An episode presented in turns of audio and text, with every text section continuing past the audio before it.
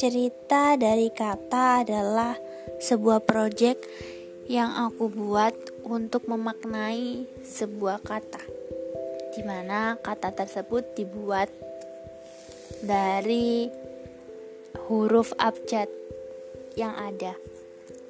Jadi, mari kita sama-sama berproses untuk hal yang lebih baik. Salam kenal semuanya.